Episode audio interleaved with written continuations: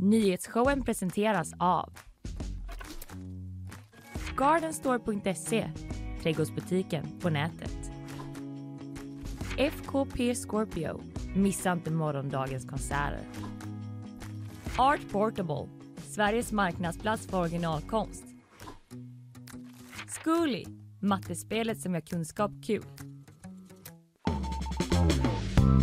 Vi är tillbaka! Ja. Det är måndag, ny vecka, nya tag. Det är nyhetsshowen och vi sänder ut live här från GB-huset vid Polhemsplatsen i Göteborg. Linnea Rönnqvist, god morgon. Hallå! Du, idag så ska vi prata om det nya tuffa Sverige. Tuffast i EU kan vi bli. Va? Ja, och eh, då snackar jag alltså om hur svårt det ska bli att få medborgarskap här. Mm. Eh, mer om det sen. Vad ska du prata om? Eh, du, jag ska prata lite om eh, Gais och närmare bestämt en ledare där som är avstängd efter Mm, att mm. eh, den ska ha lagt rosor i domarnas omklädningsrum. Ja, Mm. det låter spontant som en väldigt vacker gest. Ja, Romantiskt. Precis, men det finns eh, vissa saker som talar för att det inte är så romantiskt Ja, kanske. det är spännande att höra mer om det då. Ja, sen blir det också lite faktiskt som en eh, CSN-härva. Mhm. Mångmiljonbelopp i Markaryd har jag eh, nej, valt att kalla den. Wow, världens mest utbildade person finns där. Nej, det är inte det om. Nej. Jag förstår. Sen blir det gäst. Digitaliseringen av skolan ska vi prata om, som ju är så hett omdebatterad just nu. Hur mycket skärmar ska barnen ha? Mm. Ja. Hur var det när du gick Linnea? Hade ni Datasal. datasal? Ja. Info layout. Skönt, tryggt. Jag hade också datasal. Eh, har du eh, datakörkort? Absolut. Mm, jag med. Bra, då är vi båda behöriga Mm. att eh, utnyttja. Det här instrumenten vi har framför oss också. Jobbar ju med data mycket här. Eh, nej, men eh, skämt åsido, det ska vi prata om. Det har ju varit eh, hett debatterat också med den här rapporten om läskunnigheten, Mm. läsförståelsen som blir sämre i Sverige. Eh, och eh, en ut... Eller ehm, ja, vi, vi ska, det hett debatterat och vi ska prata om det. Jag, jag nöjer mig där så länge. Eh, jag, ska inte, jag ska gå vidare. Bakvagn. Nya alkoholrekommendationerna är här så vet du om du är alkis. Dödsorsaken för västkustspäckhuggaren fastställd Ja, just det. och slöserikritik mot SVT och hockey-VM. Ja, okej. Det har jag där. Ja, jag kontrar med att eh, New York sjunker. Ja, Och sen så blir det också två stycken Mölndals-kopplat nyheter. Lite grann om en varg som verkar springa fritt och eh, en lång, lång, lång kö till ett varuhus. wow. Mm. Vad härligt att du får uppehålla dig både i Mölndal och New York. Ja, Två ytterligheter. ja eller ganska lika skulle man kunna kanske säga. Kanske. Mm. Det kan du få utveckla sen. Mm. Eh, annars då? Det ska bli 27 grader idag. Är det så mycket till och med? Du vet ju att jag eh, alltid besöker väderappen innan jag går och lägger mig bara för att liksom förbereda mig Ja. mentalt inför morgondagen. Hur blir det egentligen? Ja. 27 grader stod det. Det är otroligt. Ja. Både du och jag, Emily sa ju att vi, att det är det, vad var de sa, är det skolavslutning eller? Ja, att vi hade exakt. lite den vibben idag. Men jag känner att vi har den. Ja, jag har så vit skjorta i Ja. linne och du Ja. har en tjusig klänning. Ja. Aha. har du haft det bra i ledigheten? ja, det har jag. jag. eh, Jag var ju här i fredags med Andreas. Vi hade det supertrevligt. Ja, Mm, härligt. Sen har jag eh, matat olika hönor med vispgrädde. Det var riktigt nice. Wow. Kan jag säga. Har du Mm. liksom brutit dig in i olika Nej, jag hade tillstånd från ägaren till att göra detta. Vet du vad jag har blivit då? Nej, Intervjuad av lokalpressen. är det sant? Jajamän! Vad hände? Berätta allt genast. Jo, jag har ju varit på Var det så? marknaden ute Naken i man Nora. springer naken på Ica. Precis. Här är intervjun, stannar jag upp där. Så. Hon bara, nej vadå, det är så varmt. nej, jag var på, jag har ju varit i Nora då. Ja, I Närke. det Och- är inte dumt. Nej, det är jättefint. Eh, En väldigt trevlig, gullig liten stad. Och så var det marknad där. Mm. Marknaden ute i Nora. Eh, och då blev jag och min familj eh, approcherade då av eh, en man från Närkes Allehanda Jaha. som eh, gjorde en sån liten eh, Hallå enkät, en liten hallå där med Ja. folk som var på marknaden. Wow, Och han, be- han behövde någon som åt och det gjorde vi. Så då fick vi liksom gestalta den perfekta familjen. Åh, det kan, jag man mig. känner att man också kan känna igen sig från reporterns sida i att vara ute på en marknad och behöva någon som Ja, äter. den perfekta heteronormativa familjen som äter köttbullar på en restaurang. Wow, Mm, finns det här att se på internet eller? Jag vet inte. Jag fick den skickad alltså från eh, min tjejs moster som hade liksom fotat av i tidningen. Så den Wow, finns i i liksom pappers, Närkes Allahandas papperstidning. Det här tror jag i- att vi måste Från söndags. kanske försöka dela med oss lite av. Vi Ja, får se. Jag vill lägga upp lite bilder på Instagram Ja. sen. Men också tråkigt att jag blir felciterad. Nej! Jo. Var det något eh, dramatiskt fel? Nej, jag, alltså jag, jag, har liksom, jag har inte gjort någon rättslig process Nej. av eller att jag krävt en rättelse Nej. på liksom bästa nyhetsplats. Men det var Nej. att jag berättade för reportern att vi var i Nora för att min eh, tjejs eh, mormor bor där. Mm. Men i citatet stod det att eh, Filippas mamma bor här. Vilket inte stämmer. Ah, okej. Ja. Så det är fake news fake. vill jag bara, om Mm. någon liksom stött på det här. Vänta lite nu. Eh, Filippas mamma är väl eh, liksom, hon bor väl, hon bor väl utanför Göteborg va? Inte i Nora. Så visst, det, det, så är det. Hon har inte flyttat. Hon har inte flyttat. Nej. Så eh, var det med den saken.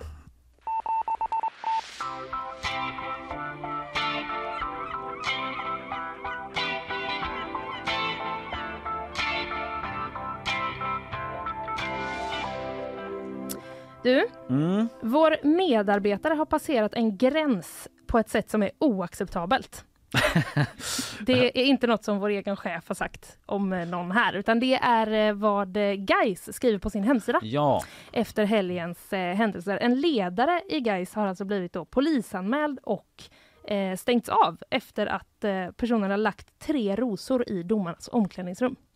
Ja, jag läste ju om detta lite Mm. kort bara men eh, precis som vi nämnde inledningsvis att det skulle kunna tolkas som en eh, oerhört vacker gest. Exakt.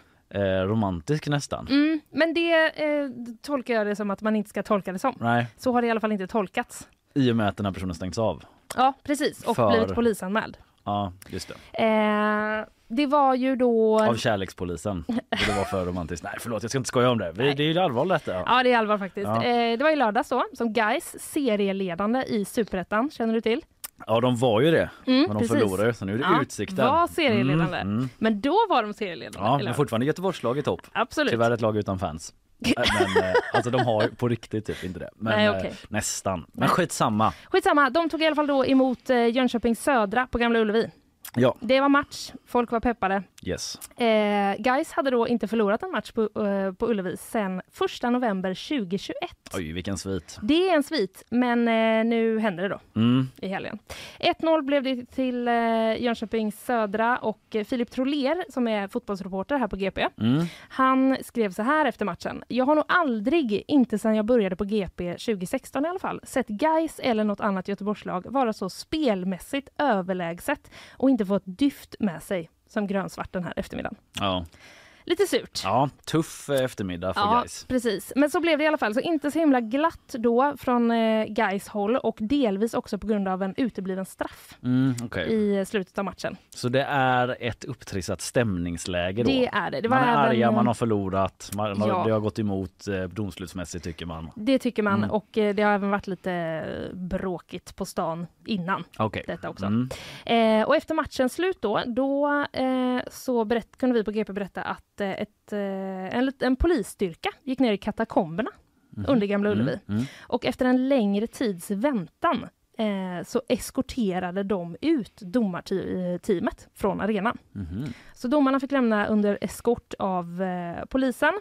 Eh, och eh, vi fick då tag på polisens presstalesperson Caroline Karlsson på söndagsmorgonen, alltså dagen efter matchen. Mm. Vi kan bekräfta att det låg tre rosor i domarrummet och att en anmälan om olaga hot mot domarna har upprättats, säger hon. Ja, Så detta är ju ingenting som man har eh, liksom, eh, tagit som något positivt, Nej. som vi var inne på i mycket början. märkligt. Det är en väldigt så Ja. eh, liksom gammaldags, eh, det, det finns någon sån här maffiafilm över det. Jag Ja. säger liksom inte att det är det, vi Nej. vet inte detaljerna, vi Nej. vet inte vad det här handlar om. Men just den symboliken, du vet som att man lägger liksom rosor på någons eh, kista. Eller du vet, Precis, för det, det är ju inte det liksom... osar eh, lite Pacino typ. Ja, absolut.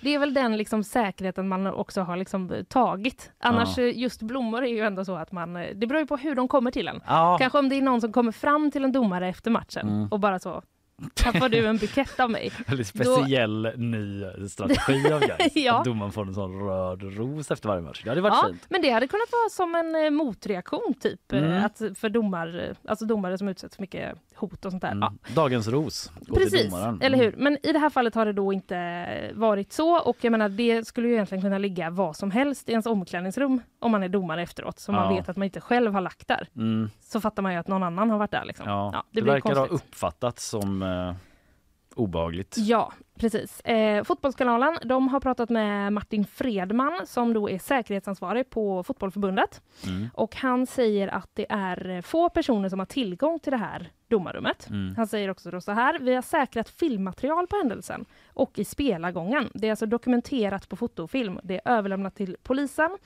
Utifrån de bilder jag har sett och det jag har fått beskrivet så känns det osmakligt och onödigt och jag har svårt att förstå varför, säger han. Mm.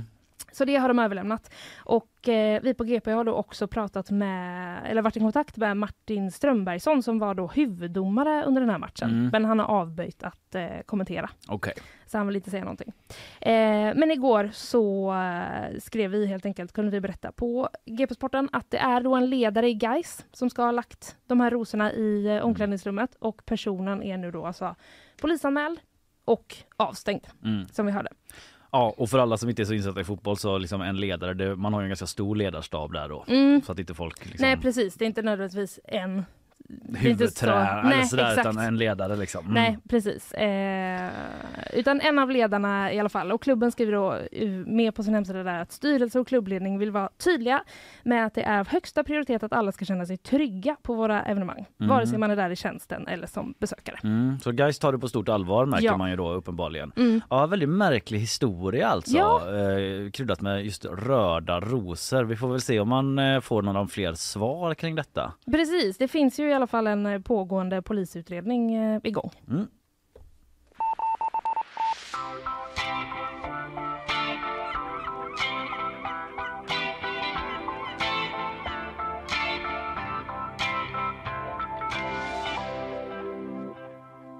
Ja, eh, om en stund ska jag snacka om det nya tuffa Sverige. Just det. Mm, Och eh, du kommer också att prata lite om den här CSN-härvan då så får vi nyhetssvep på Isabella men först sponsorer. Nyhetsshowen presenteras av Gardenstore.se, trädgårdsbutiken på nätet. FKP Scorpio, missa inte morgondagens konserter. Art Portable, Sveriges marknadsplats för originalkonst. Zcooly, mattespelet som gör kunskap kul. Ja, får väl ändå nämna då att det smög sig in en eh, icke bekräftad uppgift från min sida när jag utgick från att rosorna var röda. Ja, just det. Det vet vi inte. Nej, det vet vi inte. Det var bara jag som reflexmässigt fick upp röda rosor i huvudet. Mm, Jag vet inte om det spelar för att någon du roll. är så romantisk. Ja, jag är det. Ja. Jag brukar ibland så kommer jag in med en som mellan tänderna här på morgonen. Så. Varje morgon. Ja, för att bara sprida nu romantiken. faktiskt. ja, det var Ja. kul i början som Ja, det var grej. det. Men nu Som är det Zorro. bara- Folk blir oroliga för min munhåla så. Mm. Kommer han sticka sig. Eh, jag är inte orolig för huruvida vi kommer få veta lite mer om nyhetsläget. För Nej. att Isabella är här. God morgon. Ja, det har jag tänkt uppdatera er med. Det ska du få göra och därför så ska jag spela de här små ljuden som signalerar att eh, det är din tur. En 15-årig pojke hittades igår knivskuren i Tuve. Det var vid sjutiden som polisen larmades dit. Och på plats kunde man gripa en jämnårig pojke som nu misstänks för försök till mord. Den skadade pojken kunde ta sig till sjukhus själv med allvarliga men inte livshotande skador. Allt fler unga personer häktas för grova vapenbrott. Det visar en sammanställning som Sveriges Radio Ekot har gjort. Fram till april i år så har 24 personer under 18 år häktats och det är fem gånger så många som under samma period förra året. Enligt kriminolog Sven Granat så beror ökningen delvis på att allt fler gängkriminella placerar vapen hos yngre personer. Men också att det blivit allt vanligare att häkta unga. Efter de omfattande översvämningarna i nord nordöstra Italien så har nu klimataktivister gett sig ut på gatorna i Rom för att protestera mot landets klimatpolitik. Man färgade bland annat vattnet i Fontana di Trevi svart där färgen skulle symbolisera framtiden för mänskligheten. Man krävde också av politikerna ett stopp för subventioner och skattelättnader för fossila bränslen. Översvämningarna i Italien har beskrivits som de värsta på över ett århundrade och 14 personer har bekräft- bekräftats döda och över 36 000 har evakuerats. Tack för det Isabella. Tack. Vi har ju lite översvämningar i Sverige också va? Det har vi. Uppe i Haparanda. Uppe, exakt. Mm. Ja. Jag var bara, man såg lite bilder därifrån, eh, såg väldigt eh, i ögonfallande ut. Mm. Ja, Det var också någon, eh, det var också någon så här, det är ju inte det värsta såklart, men det var någon pool, utomhuspool som de hade där uppe som var så här, nu ska vi snart fylla den för nu är det sommar. Mm. Och nu har den, den blivit så skadad av liksom vattentrycket att den kanske bara måste så rivas. The irony. Ja. Att en pool förstörs av vatten. Eller det Ja. kanske också är typ det mest rimliga som kan hända en pool. ja, jag vet inte riktigt hur det funkar med poolstruktur. Ja, översvämningar i Italien och i Haparanda alltså. Tack Isabella. Tack Vi mycket. hörs igen om en stund.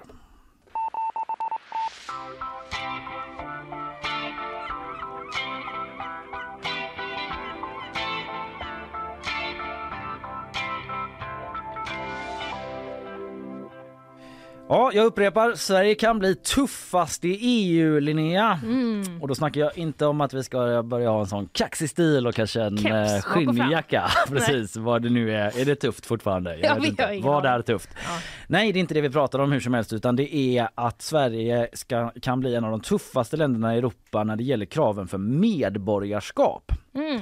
Det har ju varit snack en del eh, om detta och igår kväll så debatterades det också i eh, SVTs Agenda, vilket jag återkommer till. Men tidigare har ju Sverige varit ett av de enklare länderna i Europa då att bli medborgare i. Men nu är det Tidöpartierna ju som Mm. är de nya sherifferna i stan. Nu blir det andra bullar, Mm. tuffa bullar från Tidögänget som de bakar. Slut på bagar liksom, liknelser.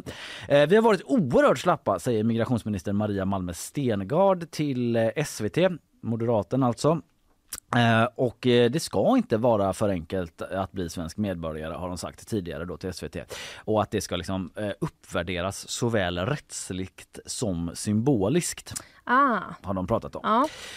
Eh, och ja, Det är ju det då att vi ska gå från att vara ett av de lättaste länderna till ett av de svåraste länderna rapporterar SVT och det är väl just den förändringen som är den stora grejen här då som folk reagerar på för annars eh, gör man eh, mycket samma saker som flera andra länder i Europa redan har gjort. Mm. Eh, att man eh, stramar åt, man skärper kraven. Det följer en utveckling som man sett i en hel del andra länder under 2000-talet. Men här i Sverige då så kommer alla reglerna på en och samma gång som Ah. Per Gessle kanske hade sagt. Mm, just det. Så Mm. vi, vi kommer inte sticka ut så mycket nödvändigtvis, men snabbare acceleration. Ja, precis. Ja. Mycket riktigt Linnea. Eh, man ska införa då eh, nya krav på språk och samhällskunskaper. Det har varit Mhm. uppe tidigare. Det vill man eh, göra. Man vill också utreda andra skärpningar då som att man ska ha varit bosatt i Sverige längre innan man får bli medborgare. I nuläget är det fem år som gäller. Eller fyra om man är flykting har flyktingstatus. Och nu är det nya förslaget åtta år. Mhm. Man vill också utreda skärpta krav på egenförsörjning och sån här hederlig vandel. Ja, just det. Mm. Det pratade vi om i höstas, ja. Precis. Det var ju Bristande vandel kunde Ja. vara skäl. precis för Ja. utvisning. Alltså vill ju Ja. SD och sådär. Det var mycket om det här med vandel. Ja, Eh, och eh, som sagt man ska utreda det exakt eh, hur det är mm, och vad det betyder då. Mm. Det här med hederlig vandel och så. det är inte ett ord man känner igen från vardagssnacket så mycket. Nej, förutom eh, de senaste månaderna Nej, då, precis. när det har varit mycket Nej. på tapeten. Men eh, som sagt, det är liksom inget som är infört detta då, men det är utredningar som man eh, vill genomföra då, där man kollar på hur man ska kunna skärpa det här, de här kraven på att man ska ha en försörjning och att man ska bete sig. Mm. Eh, är väl det det betyder egentligen, hederlig vandel. Man pratar också om att man ska införa någon sorts trohetsed till Sverige typ. Jaha. Eh, ja, eh, citat, en form av lojalitetsförklaring, ett medborgarsamtal eller liknande ceremoni. Det sa Linda Lindberg, eh, Sverigedemokraten då, som var med när man presenterade de här förslagen tidigare i maj. Eh, du vet i USA har man så pledge. eh, Ja, jag satt just och bara funderade på vad man skulle säga där. Ja, Är det något sånt med höga berg och djupa dalar? Eh, ja. Jag, jag vet inte om det finns någon sån gammal dikt som man Nej. kan damma av eller liksom sjunga nationalsången. Eller Ja, Man får skriva något nytt. Just det. Skriva Jimmy- egna löften Jimmy Åkesson, ja just det ja. till Sverige. Ja just det, jag tänkte först att Jimmy Åkesson skulle sitta och skriva, eller det är ju så viktigt för dem Ja, särskilt ja. då, så Mm, att SD mm. får, men just det att man har som ett sånt äktenskapslöfte Ja, liksom. exakt. Ja, det skulle det kunna vara. Stackars Sverige då som måste skriva jättemånga löften. Ja just det, Ja. till alla andra ja. Och Exakt. så kommer folk med såna S, superfint. V, väldigt bra. E, enastående. Ja. Så, där, det, så skulle mitt löfte vara. Mm. Eh, konstruerat ut- utifrån den principen. Eh, nej men precis, eh, då sa hon Linda Lillberg från SD att man hade som mål att man ska kunna skicka direktiv för en sån utredning i sommar. Så då mm. har vi inte framme vid nej, ett färdigt förslag nej. och så här kommer det se ut. Men eh, det är det man jobbar emot då, Tidögänget. Och SVT har pratat med en forskare som heter Andreas Johansson Heinö.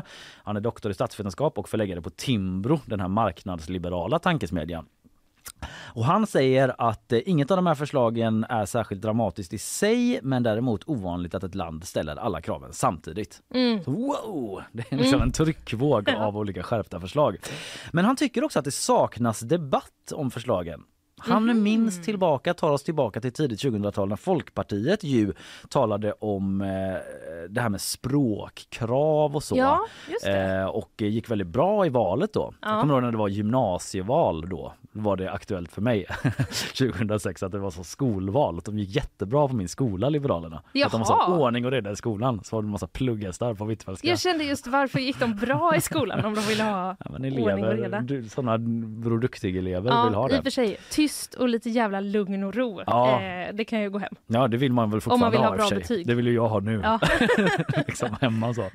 Nej, jag skojar. Men eh, skitsamma. Men att då, när de förslagen kom från Folkpartiet så liksom blev de anklagade för att vara främlingsfientliga av uh, motståndare. Men nu är det liksom väldigt mycket mer radikala förslag. Alltså inte främlingsfientliga säger han inte den här forskaren men uh, de, de, är ju skarpare. Mm. Men det möts av nästan inget motstånd alls tycker han i debatten. Men igår så var det ju faktiskt debatt som jag ja, sa i början. Just det. I SVT Agenda om det här. Eh, det var tidigare omnämnda Maria Malmer Stenergard då, moderaten och migrationsministern mot Miljöpartiets språkrör Märta Stenevi som ju får symbolisera den här lite öppnare eh, migrationspolitiken som mm. ju bedrevs tidigare då. Och eh, då utgick man från ytterligare en utredning som är på gång på det här temat, nämligen att öka återvandringen. Det känner ja. du också igen mm. det ordet, återvandring, eh, som syftar på att fler personer med uppehållstillstånd då ska återvända till sina hemländer.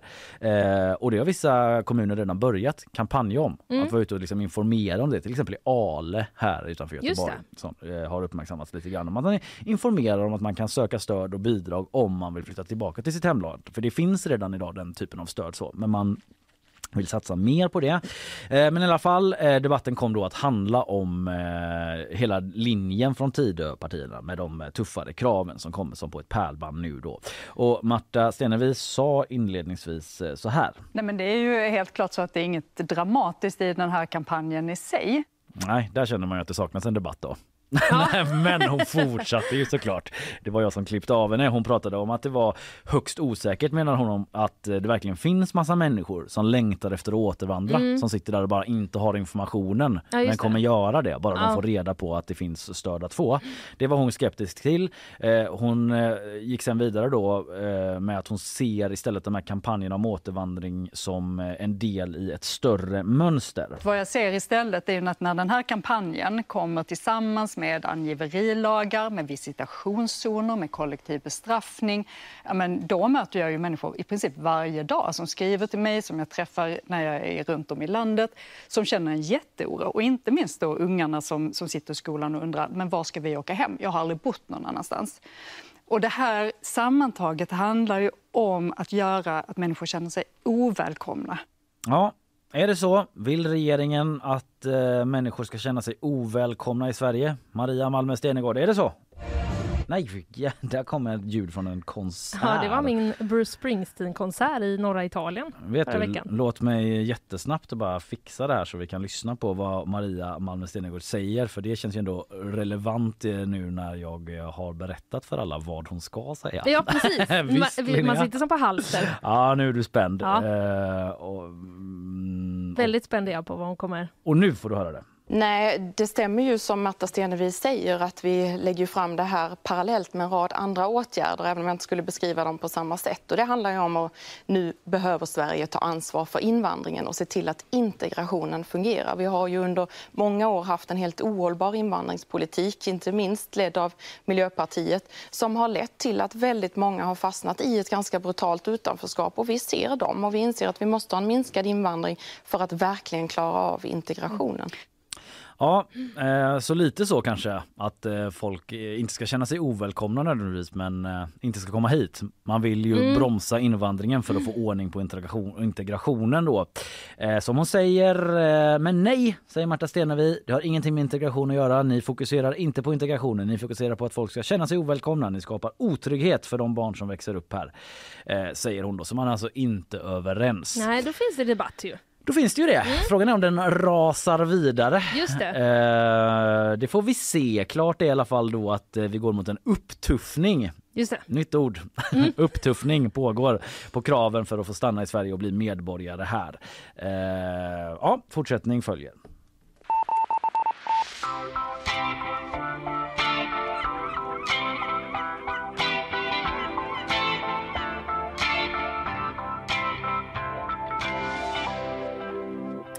Ska hinna med eh, en liten rapport om det här CSN mångmiljonbedrägeriet. Det finns alltid plats för en härva. Ja visst i det här det programmet. Mm, Mm. Det var lite det jag kände när jag såg den här nyheten. Så Mm. kände jag att det här eh, det sticker ut. Mm. Och där behöver vi ta 26 personer åtalas.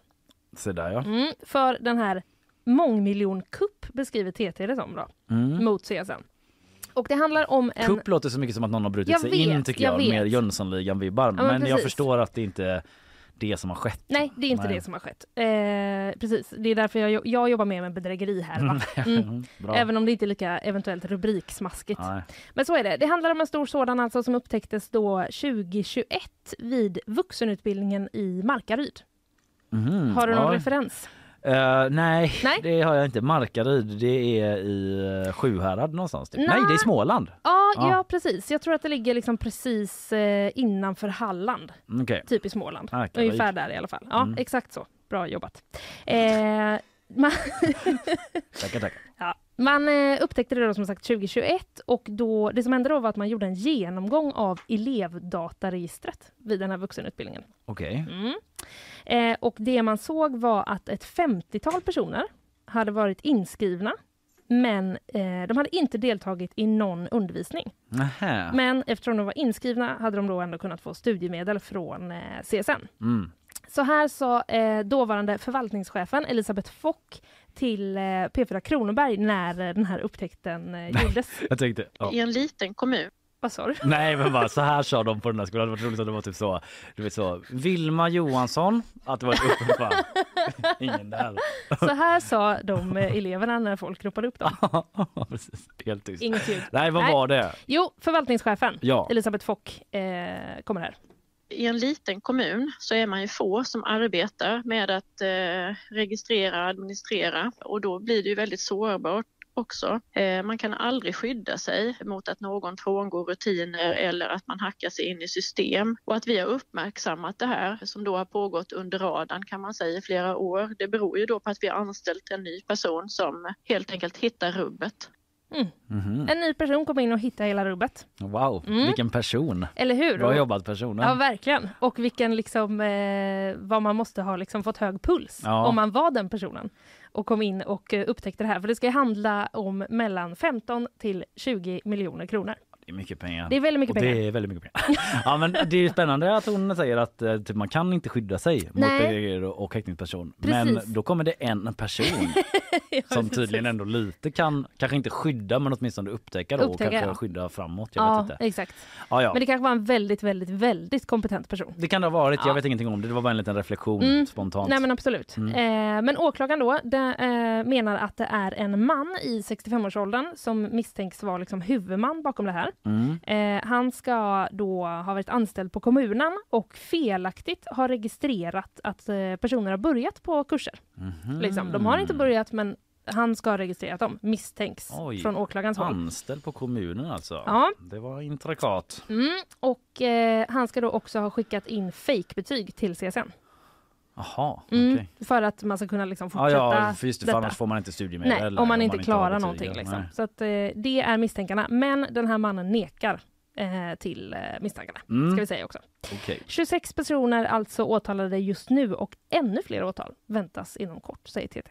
Och 26 personer, alla de är Markaryd liksom kopplade då? Nej, det kan jag inte riktigt eh, okej. garantera. Nej, jag det är förstår. inte jättemycket information än. Nej. Eftersom att åtalet kom nu ganska nyligen. Men eh, jag, skulle, jag skulle tolka det som att det handlar om personer som har varit inskrivna då, fått studiemedel men Mm. inte gått utbildningen. Det var en härva du. Mm. Ja.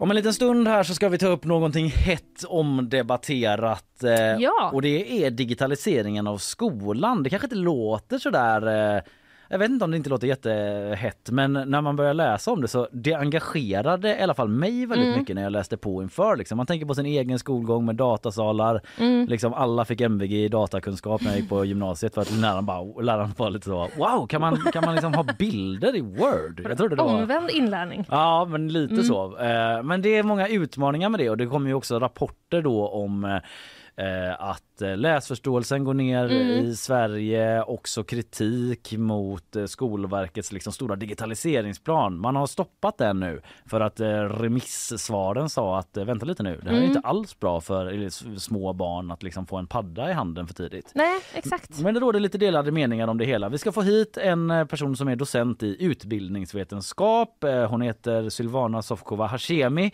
från Göteborgs universitet och prata om de här sakerna. Vrida och vända lite på det. Hur ser hon på den här digitaliseringen i, i skolan? Liksom? Hur ska man göra det för att eh, hänga med i samtiden men samtidigt värna om barnen och så vidare? Så här, Mm. Vad säger forskningen?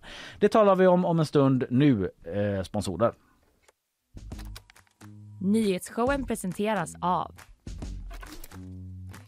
Gardenstore.se, trädgårdsbutiken på nätet. FKP Scorpio, missa inte morgondagens konserter.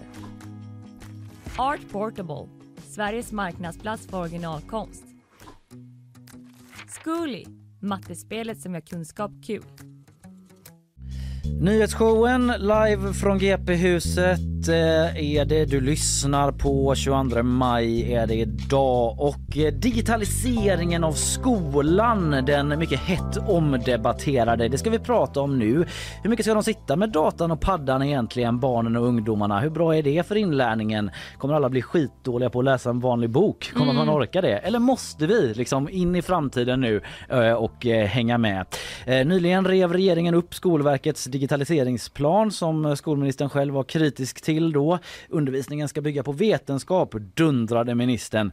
Vi ska snacka om de här sakerna nu. Med oss har vi en gäst. Hon är docent i utbildningsvetenskap och forskar om skolans digitalisering. Och eh, hon är från Göteborgs universitet och har ett namn också och det är Sylvana Sofkova Hashemi. God morgon! God morgon. Du, om vi börjar i den ändan att eh, regeringen då rev upp Skolverkets digitaliseringsplan. Skolminister Lotta Edholm då menar att eh, man helt enkelt inte tagit hänsyn till de negativa effekter som digitaliseringen kan ha på inlärningen. Vad tänkte du när du fick höra om det? Ja, att eh, riva så här snabbt var ju ganska bekymmersamt. Att man inte tittat ens på de här remissvaren som har kommit in. Däremot är det väl på sin plats att lyfta en aktuell forskning. Så man, man vill ju gärna bygga skola på eh, vetenskaplig kunskap. Så att eh, ja, det är lite blandade känslor om Mm. man säger så. Eh, Du tyckte man var lite snabb med att liksom läsa igenom remissvaren och sådär? Att man... Ja, och vi var en av dem också som svarade på remissen och eh, man kan ju hålla med om att eh, den var väldigt visionär, den här nya fortsättningen på, på digitalisering i skolan, då, planen för det. Alltså Skolverkets plan. Mm. Ja, precis. Man pratar om teknik som en förändringskraft. Eh, att bara vi får in datorer och tekniken så höjer vi elevers re- resultat. Mm. Eh, och eh, det blir också mer effektivt, vilket forskningen visar är precis tvärtom. Att eh, får du in datorer så behöver du tänka struktur, tänka didaktik och Mm. anpassa och så vidare. Just det, det räcker inte bara liksom att sätta en iPad i närvaro Nej, men på barnen precis. utan man måste hantera det som lärare och så också. Och... Ja, och man måste ha kunskap. Eh, Det är det oftast man glömmer också. Eh, Det vi också påpekade det är att med all den satsning som föreslås här så behövs väldigt mycket kompetensutveckling för lärare eh, och mycket mer stöd. Eh, för digitalisering utvecklas ju hela tiden. Nu var det mycket snack om AI i skolan till exempel. Hur ska man hantera det och vilken kompetens behöver man då? Just det, chattbottar Mm. som skriver tentor Ja, och men precis, Ja. mycket oro kring det. Jag minns ju alltså när jag hade datakunskap i skol på gymnasiet liksom 2005 Mm. sådär, då var ju den läraren som vi hade där liksom väldigt imponerad av våra kunskaper. Alla fick MVG som var betyget då och där kände man ju att man Var det kanske för att ni kunde använda tab-knappen? Ja men eh, eventuellt liksom. Ja. Och då är jag jättedålig på Excel idag. Men jag liksom kunde ändå ta mig igenom den kursen. Men eh, det ställer ju en del utmaningar. Nu har det ju hänt mycket sedan dess, herregud. Men jag menar Ja. att det ställer en del utmaning för pedagogerna tänker jag. När man bara om man liksom dundrar in med massa ny teknik. Ja men precis, och det, det, man pratar om att det effektiviserar lärares arbete, men forskning visar precis tvärtom. Att tar du in nya eh, dataprogram, nya tekniker, så behöver du lära dig det. Det är, det är mycket tryck på dokumentation också för, för lärare, så att det blir Just mycket mer arbete för pedagogerna. Mm. Mm. Men vad kan man säga, alltså när tycker du att man tidigast ska liksom eh, släppa den här tekniken, alltså sätta liksom en padda i, eh, i nävarna på ett barn i Ja, skolan eller förskolan eller? Ja, jag vet också det omdiskuteras särskilt i relation till de här små barnen. Och det är väl där den här forskningen kommer in som menar på att eh, det kan vara väldigt skadligt för de här riktigt små barnen. Däremot så finns det omkring oss och vi behöver kunna hantera det. Så att jag kan inte på, säga liksom vilket ålder man ska börja i. Däremot är det en myt att börja liksom på högstadiet. Alltså det är bra att börja tidigt och prata eh, om hur man ska hantera eh, det digitala, framförallt eh, förhålla sig kritiskt och eh, etiskt och så vidare. Mm. Eh, för att barn är idag väldigt tidigt på, på internet och eh, ja, det finns, det finns både det goda och det onda där. Så att, Mm. Ja för att vissa som har varit kritiska i de här remissvaren har ju varit en del så hjärnläkare, forskare och barnläkare och sådär som, Ja. som menar just att liksom det kan påverka koncentrationsförmågan Mm. och eh, om barn på förskolan liksom använder sig av paddor och så är rekommendationerna att man kanske ska ha en timme om dagen. Om de Mm. man liksom använder upp den timman där och sen tittar de hemma också att det blir för mycket och att man därför kanske skulle bara nej vi har det inte i förskolan Nej. för att eh, liksom minska eh, skärmkvoten typ. Ja. Nej, men det, där ska man nog lyssna på forskningen eh, just vad gäller användningen för de här små barnen. Däremot är det väldigt intressant att följa den här forskningen, för den utvecklas ju... Alltså forskning tar oftast tid, så det är fortfarande ganska nytt eh, överhuvudtaget. Eh, men det, det man har sett till exempel, det är även små barn som två år gamla, de som har använt sig av eh, eh, paddor och så, och så vidare, surfplattor och svepa och alltså använda fingrar blir, blir väldigt motoriskt utvecklade. Mm. Eh, de också blir väldigt bra på problemlösning till exempel. Okej. Så det finns fördelar med det också, plus att eh, det finns väldigt många bra eh, appar till exempel där man lär sig språk, man lär sig bokstäver. Så att det finns stöd där Mm. också. Men just det här hur länge de ska sitta eh, vid skärm eller så, eh, det, det får de här forskarna svara för. Mm. Eh, och det är klart att det, det behöver vi som vuxna ha i åtanke, att man ska inte sitta för länge. Mm. Däremot kan jag inte påstå att, eh, att förskollärare, alltså pedagogerna i förskolan, inte är medvetna om det. Eh, jag tror inte något barn sitter för länge där, utan det, det finns strukturer, det finns liksom... Så det här med att, att man skulle sitta för länge och eh, eh, istället för att gå ut och leka, så det, det har jag svårt att tro att man tänker. Mm. Men det är väl också en, en svår grej i det, att vi har inte haft det så himla länge den här tekniken och därför så Mm. är det svårt att säga något utifrån forskningen. Ja, precis. Och det, som, som jag sa så, så krävs det tid och det be, behövs olika studier så att forskningen kommer så småningom. Men att det, det är kanske det här sättet som det framhävs i media. Det blir så drastiska förändringar och eh, även från skolminister då att nu ska vi inte ha skärmar i skolan och så vidare. Du menar att det blir jag- för mycket antingen eller? eller? Ja, men precis. Det blir väldigt stor dels polarisering eller mellan olika fält. Att Ja. man inte tar hänsyn till, annan forskning. För det är ganska Ja. högt tonläge upplever jag Ja, när man det är läser ju det. artiklarna. Ja, Nu ska skärmarna ut liksom och sådär. ja. Och det känner inte igen sig eh, lärarna i heller. Så man ska kanske gå och vistas i skolorna och se hur undervisningen ser ut. Alltså Den de är- känner inte igen sig i att det Ja, att, att, eh, att de jobbar på det här sättet som det framställs. Att med det, jättemycket skärmar. Nej, men precis, för det är väldigt multimodalt i skolan idag. Man använder sig både under en lektion använder du dig både av peppa, äh, papper och penna Mm. och äh, skärm. Så att äh, det är en kombination. Så Just att det. barnen lär sig. Och visst, även lärarna kan bli oroliga. Liksom.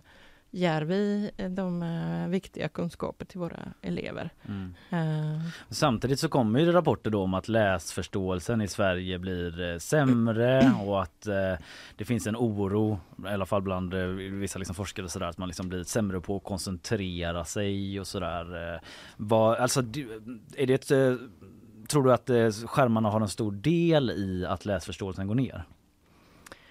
Det är också svårt att säga. Alltså, om man tänker så också, den läsning som vi är vana vid att läsa trycktext, Mm. det är helt annan än att läsa på skärm.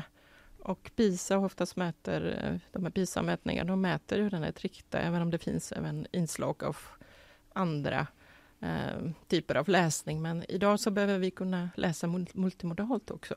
Alltså på skärm, du har ju bilder, du har Mm. ljud, du behöver förstå den budskapen, det budskapet har där. Så att eh, eh, jag skulle säga att eh, det är väl både och. Och eh, det är klart att tryckta böcker ska också finnas i skolan. Mm. Man ska kunna läsa på det sättet, man ska kunna läsa effektivt. Man pratar ju om att det blir väldigt mycket flyktigt läsande Mm. på skärm och så. Men det är Ja, också det- en annan typ av kunskap, hur du ska ta till dig massa information till exempel. Jag känner ju att jag är väldigt så eh, typ eh, mobilskadad och appskadad. Eh, just för att man så här, ja att läsa på skärm betyder att jag kan söka på nyckelord. Du vet att man liksom Ja. kontroll F och så bara söker man på det man vill veta och så skiter Ja. man i resten. Och att jag, jag, kan, jag, jag kan läsa böcker men jag behöver liksom en veckas uppstart på semestern för att orka koncentrera mig så pass länge. Ja, men jag har blivit sån. Men sen jobbar ju jag liksom med att skanna av saker väldigt snabbt då.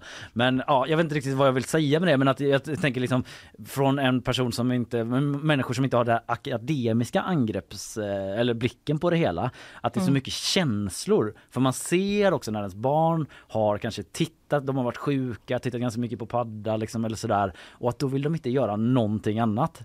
Sen Nej, efter det, att det är det enda som är liksom kul för det är så mycket stimuli och belöning hela tiden. Ja. Och eh, då finns det en stor oro för att bara Okej, ska de ha det i skolan också? När får de en paus? Eller förstår du alla föräldrarnas oro sådär? Nej, men det måste väl finnas både och, tänker jag ju. Mm. Eh, Det, är det, det går sådana trender i skolan hela tiden. Att eh, man upptäcker någonting och så, och så ska alla satsa på det. För 2011 när, när just eh, eleverna fick egna datorer och sen surfplattor, så hade man mycket satsning på de yngre eleverna. De lärde, lärde sig läsa och skriva eh, på att skriva med dator enbart. Och det är klart att det passar inte alla elever och eh, även om man hade väldigt bra resultat, eh, alltså barnen både skrev på dator tillsammans, alltså de samarbetade om texter, de skrev ut, de ritade till, så det var också en kombination. Eh, men det visade sig också inte passa alla, så att just det här att eh, rikta sig mot en metod är ingen bra väg. Mm. Alltså man be- behöver alltid utgå från individen, vad individen har för behov.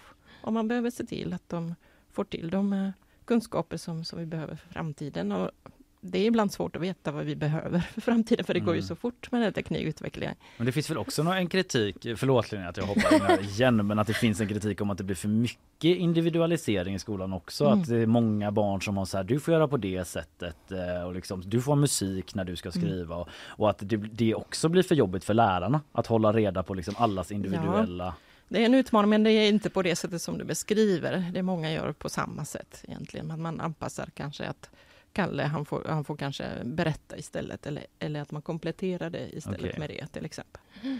Eh, Men eh, jag tänkte bara på det, det, du var inne lite på det i början, Mm. att man lärde sig skriva just på eh, dator. Det har ju ändå varit en debatt om att, om att barn blir liksom sämre på att skriva eh, för hand. ja. Eh, finns det liksom en risk att digitaliseringen gör att liksom alla snart skriver som läkare? Vad betyder det? Slarvigt? Eller? Skitdåligt. det. Ja, men precis. Nej, men man får också fundera på vad använder vi skrift till idag? Mm. Eh, Om du tänker själv, liksom, hur mycket skriver du för hand? Det är ju oftast korta anteckningar, Mm. eh, inte några längre texter. Men sen finns det ju post-it precis. Och sen är det individuellt val. Min dotter valde alltid att anteckna för hand till exempel. Mm. Eh, så att, eh, ja, den förmåga kommer inte försvinna. Vi behöver lära ut den fortfarande, givetvis. Eh, Men vi, vi behöver också tänka på att samhället förändras, att vi behöver många digitala kunskaper i, idag. Det behövs kompetens i framtiden Mm. som vi inte ens har en aning om vad det kommer handla om. Ja, just det. Man kan ju skriva så här, grattis på födelsedagskort på datorn också. Ja, just såklart. Får Ja. kramp i fingrarna Ja. om man skriver så långt för hand. Ja, men jag tänker, alltså, jo men det är ju en sak att man förstår att man inte skriver så mycket för hand längre eh, på samma sätt. Men att oron handlar väl också om att alla saker som tar lite längre tid är på väg att fasas ut och att det gör någonting med liksom vår koncentrationsförmåga och inlärning. Eller delar du den oron? Eller du känner igen den argumentationen typ? Ja, absolut. Alltså, det är klart att det finns... Man pratar väldigt mycket i skolan när datorer distraherar. Så där behöver man också som pedagog strukturera undervisningen och så. Och där eh, behöver också eleverna stöd. De frågar oftast efter stöd. Eh, men att liksom förbjuda någonting för någonting annat, då blir det väldigt lockande också. Så det blir liksom det här att man behöver ta in tekniken, man behöver prata om det, man behöver ta in elevernas världar också. Jag hade ett projekt där vi till exempel samarbetade över skolor där årskurs två elever skrev, skrev meddelandet till varandra och frågade om saker. Och det gav upphov till allt. De, dels fick de komma överens om vad de ska skriva. Sen fick de skriva det, bara det tog en stund. Mm. Eh, sen upptäckte de att de kanske inte fick svar på sin, på sin fråga. Då pratade de om, ja men hur kommunicerar man i det här mediet? Hur Mm. får jag svar på mina frågor? Plus att eh, vissa sådana här samtal kanske eh, ja, urspårade, så att man började använda svärord. Då, då kom man in på netikett, alltså hur Mm. beter man sig i de här medierna. Så att, eh, ja, det blir lite ringa på vattnet Mm. helt enkelt. Så man ska inte vara rädd att ta in det som eleverna också eh, hanterar på fritiden. Mm. Okej. Men är det, jag bara funderar på det, det kanske är en svår fråga att svara på, men jag tänker på något sätt att nu, nu för tiden liksom, är det mindre av det här, det här är en dator, så gör man med den, än vad kanske liksom, vi hade det och jag kallade det när vi gick i skolan. Datakörkort och Ja men precis, att det var mer så Mm. datakunskap, kunskap om datorn, det här Mm. är internet, alltså mer så, och nu är den mer liksom bara Mm. så in, implementerad i själva ämnet man håller på med. Kan man säga något om hur det ser ut där? Ja, och det behöver väl komma tillbaka. Det är precis som du säger, man eh, hade väldigt mycket datalära förut. Eh, Mm. Men det kommer tillbaka med programmering och man behöver veta hur, hur de olika system fungerar och vad kan jag förvänta mig och också motivera elever, elever att faktiskt bli intresserade av tekniken och så. Eh, Däremot så glömmer man oftast de här grundläggande sakerna. Att eh, man lägger väldigt mycket i knäna på eleverna när man eh, ska göra olika uppgifter. Eh, Man säger till eleverna, nu ska du göra en presentation, nu ska du spela in och så förväntar man sig att de kan det. Mm. Medan de stöter på problem, oftast löser de det tillsammans. Men sen går man vidare, man riktigt inte utvecklar det vidare. Så att det behövs nog mer. Ja. Mm. Mm. Mm. Gamla heliga ämnet datakunskap. Ja, ta tillbaka det. ja men, eh, ja, men jag, jag vet, man tänker på sådana här, eh, det, typ, det finns någonting som kallas för low tech parenting som eh, är ett begrepp typ i Silicon Valley och sådär med eh, alltså Ja, föräldrar eh, som jobbar på typ stora techbolag och sådär eh, och de sätter sina barn i skolor helt utan skärmar och eh, liksom utan digitala läromedel för att Ja. de typ är, eh, ja, jag antar oroliga för konsekvenserna av det. Mm. Eh, och de är ju ändå, ja, det studsar man ju till på eftersom de liksom lever, de vet Mm. typ hur beroende man kallar det kan vara för de Precis. jobbar med att folk ska bli beroende av det. Ja. Ja, eller vad, tänk, vad tänker du om det när du bara hör den, eh, att det pågår? Ja, Oj, ursäkta. Jag tror Ja, jag ja, ta lite vatten. Mm. Nej men det är en intressant eh, hantering och det är klart att eh, men, men alltså tekniken finns omkring oss. Betyder det att de här eleverna möter på detta när de blir vuxna då? Och hur ska de hantera det då? Ja. Det var lite det jag var inne på, att man tänker hela tiden att datorer och sånt eh, ska införas i högstadiet och det är då man ska lära sig. Men man behöver det tidigt. Och man, det finns forskning som visar att eh, använder eh, eleverna datorer och, och kommer in på internet och, och, och lär sig om det här med etiska förhållningssätt och, och hantera informationen kritiskt och så vidare så utvecklar de här förmågorna ganska tidigt också. Mm. Eh, De kanske blir eh, jättebra på att koncentrera sig men beter, beter sig som svin på Twitter. Alla de här barnen. Ja, men precis. Eh, ja, ja, skämt åsido. Eh, vi, eh, vi sätter väl ett kommatecken där helt enkelt. Eh, debatten lär fortsätta och det kommer fler eh, remissrundor säkerligen och politiken ska tycka till. Men stort tack eh, Silvana Sofkova Hashemi, eh, docent i utbildningsvetenskap på Göteborgs universitet för att du kom hit och mm. gav oss ditt eh, perspektiv på det hela. Tusen tack! Mm. Tack, tack!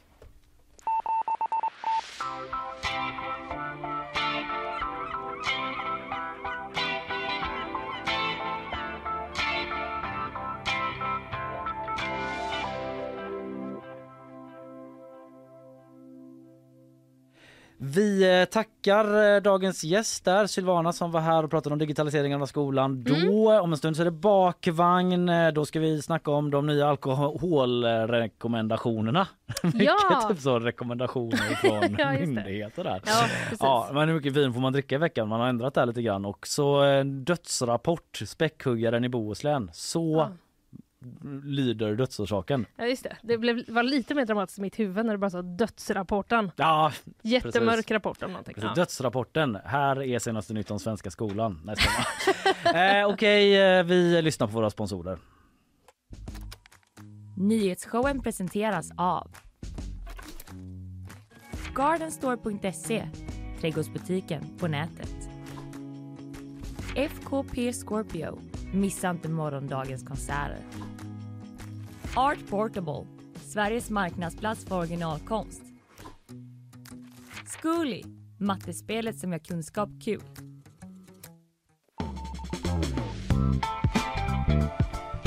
Nyhetsshowen är tillbaka! Live från GP-huset. Eh, Linnea, mm. var du liksom stark i datakunskapen i skolan? Jag var starkast i lågstadiet. Okej, okay. mm. men sen gick det ut för typ eller? Ja, men det är bara att jag minns att då hade vi precis lärt oss eh, sån här eh, clip art eller word art, jag kommer inte ihåg vad det heter, när ja. man höll på med powerpoint. Just det. Och då gjorde jag någon powerpoint om eh, Ja, jag minns inte vad det var. Det var, jo, det var sjukdomar på olika skepp förr i tiden. Och då hade jag liksom listat dem och så var gula febern ett av dem. Ja. Och då kom den in så här med en snurr. Ah, ja. Och lades i mitten. Det är bara... I gult eller? Eh, nej, så smart tror jag inte jag var. Okay. Nej, det är bara en sån grej jag minns. Ja, Ja, men jag minns att eh, det som också lärarna inte var helt med på var ju hela liksom eh, allt tab-grejen. Att du kan snabbt skifta mellan fönster. Ja, ja, ja. För då satt man ju med sitt Word-dokument och sen skiftar man över till någon sån hamsterpaj-sajt mm. där man spelar som bumperhockey mm. och så. Eh, och det eh, hör ju inte hemma i skolan va? Nej, Egentligen. det gör inte det. Men eh, säg låt en utan synd kasta första stenen, ja. säger jag. Mm. Och jag säger också hej Isabella. Och där ska du få en mikrofon också. Hej! Hej! Du, eh, nu är det dags för nyhetssvep igen. Yes. Jag säger eh, varsågod. Tack. Allt fler eh, unga personer häktas för grova vapenbrott visar en sammanställning som Sveriges Radio Ekot har gjort. Fram till april i år så har 24 personer under 18 år häktats och det är fem gånger så många som under samma period förra året. Enligt kriminolog Sven Granat så beror ökningen delvis på att allt fler gängkriminella placerar vapen hos yngre personer men också att det blivit allt vanligare att häkta unga. Flera försvarsexperter menar att det börjar bli lite bråttom för Ukrainas motoffensiv om den ska bli framgångsrik. Detta rapporterar DN. Midsommar pekas ut som en viktig tid tidpunkt för om man skulle vänta längre så finns det en risk att Ryssland hinner stärka sina försvarslinjer. Helgens rapportering från kriget i Ukraina har präglats av händelserna i Bachmut där Wagnergruppen säger sig tagit kontroll över staden. Ukraina förnekar att staden fallit. Efter de omfattande översvämningarna i nordöstra Italien så har nu klimataktivister gett sig ut på gatorna i Rom för att protestera mot landets klimatpolitik. Man färgade bland annat vattnet i Fontana di Trevi svart där färgen skulle symbolisera framtiden för mänskligheten. Man krävde också av politikerna ett stopp för subventioner och skattelättnader för fossila bränslen. Översvämningarna i Italien har beskrivits som de värsta på över ett århundrade och 14 personer har bekräftats döda och över 36 000 evakuerats. Tack för det Isabella. Eh, vi ska vidare in i bakvagnen. Det är en hel del eh, på eh, menyn mm. där återigen. Visst är det så. Mm. Okej, okay, tack Isabella. Tack.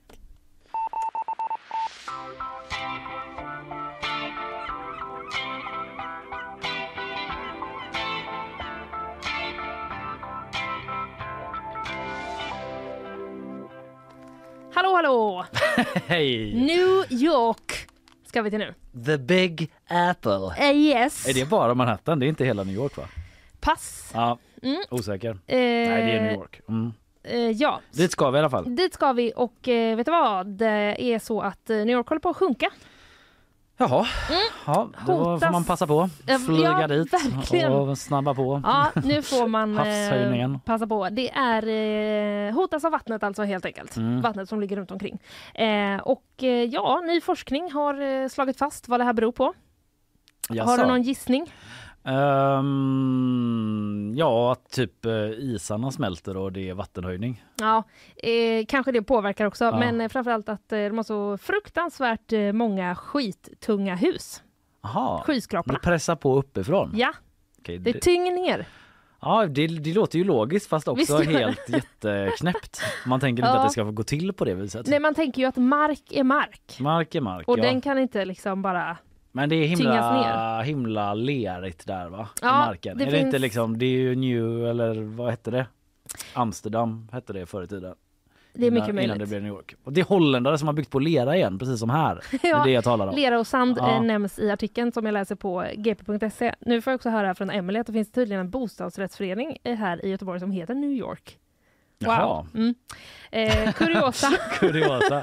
ja. Är det Men den det är här lerkopplingen? Den, det är inte den som håller på att sjunka, utan Nej. det är the city of New York. Just det, Mm. du kanske skulle sagt det från början för nu har redan Precis. alla som bodde i den föreningen Så, liksom sprungit ut. Mejlat sin Ja. lilla mejllista. Sitter i någon sån eh, roddbåt utanför på Ja. marken för när som helst kan de sjunka. Nej, då får de eh, lugna ner sig lite. Det är världsmetropolen jag pratar om. Ja, Mm. som alltså håller på att sjunka under vikten av sig själv. Ja, en till två millimeter varje år.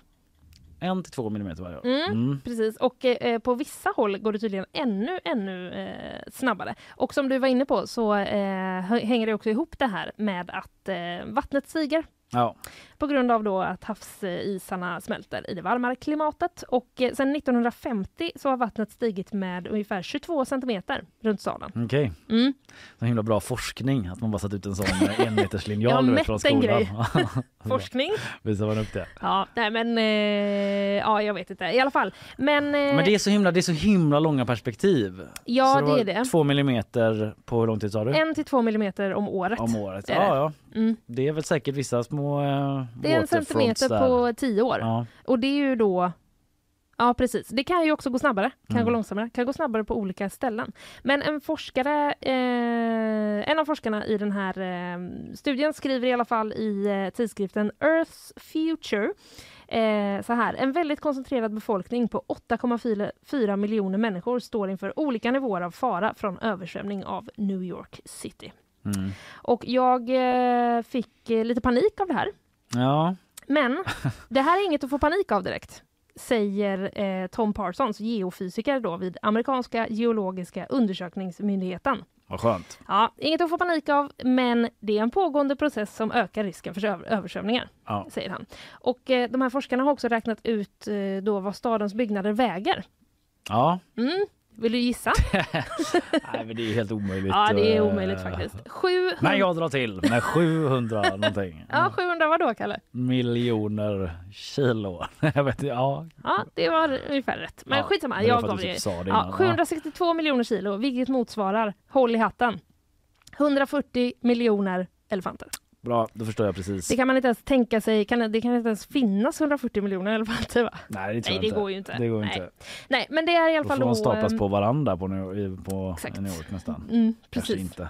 Nej. Ja det är en annan Men det uträkning. är, det är i alla fall eh, den eh, tyngden då som trycker ner marken som består av lera och sand eh, som, har, eh, som gör att den sjunker. Mm. Ja det, det, är ändå, det, det, är ju någonting det där. Ja, men- att liksom ja. husen bara trycker ner marken. Ja när jag säger det högt så varför inte men man tänker ändå att så ska det väl ändå inte gå till. Nej men det ska väl inte gå till så? Men tydligen verkar det vara att eh, man har byggt över den här leran och sanden med mer fast material som ska Mm. ge skyskraporna stadga. Men det i sin tur accelererar sjunkningsprocessen. Nu känner jag att jag börjar få lite panik igen. Ja. Men du får tänka två millimeter per år. Ja, Det är ändå eh, ja, långt innan, eller så här, de som bor men du vet, och högst så upp i kommer skyskraporna. havsisarna och så kommer Ja, det, det det. kan bli som att kan, det kan bli som Venedig. Kanske. Ja, men det är Fast ju liksom från- från mitten och upp. Ja, just det. Och så just kommer det. det fortsätta finnas undervattens penthouse. Det är ju lite översvämningsmorgon idag va? Ja, det är lite så. I våra nyheter. Dels Italien, dels Haparanda, men också New York där det i och för sig inte pågår en översvämning. Men Nej. om sådär 200 år, ja, precis. då kan det vara dags.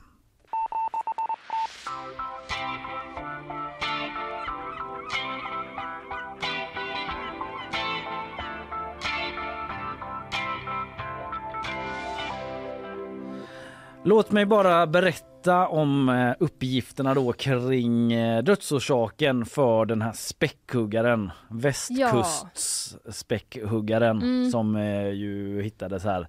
Eh, Nu har Statens veterinärtekniska anstalt genomfört en undersökning då, kanske någon obduktion eller något, Mm. eh, jag vet inte, Eh, och eh, fastslagit då varför den dog, Vilket stort rum de måste ha varit i. eller hur? Ja, Eller utomhus. utomhus Det har kanske. ju varit så fint väder. Just det. Vi gör det ute. I hörni. helgen. Vi gör det ute. Ja.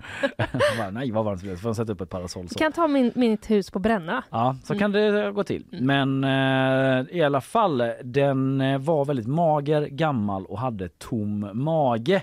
Nej. Vilket alltså gör att man drar slutsatsen att den svalt ihjäl. Vad hemskt. Jättehemskt. Vikten var eh, cirka 2800 kilo men borde ha varit det dubbla. Oj då. Så den har magrat till hälften av hur det borde stå till då. Mm. Så det kan röra sig om en gammal individ som magrat av och slutligen dött, säger Gustav Averhed, patolog vid SVA. Mhm. Eh, I ett pressmeddelande Så- som man författade där då. Men det kan inte vara så att den liksom har varit i områden där det inte finns mat, eller? Det, det, den kanske blev liksom så bara gammal och slutade äta. Jag Vet man det? Det vet eh, inte jag. Nej. Alltså den var ju gammal. och- Ja det kan vara att den var gammal och slutade äta. Sen så är det ju ovanligt då läser jag ju också att späckhuggare i maj skymtas i Sverige. Jag Mm. blir typ s- förskräckt av att det är ovanligt men inte helt omöjligt.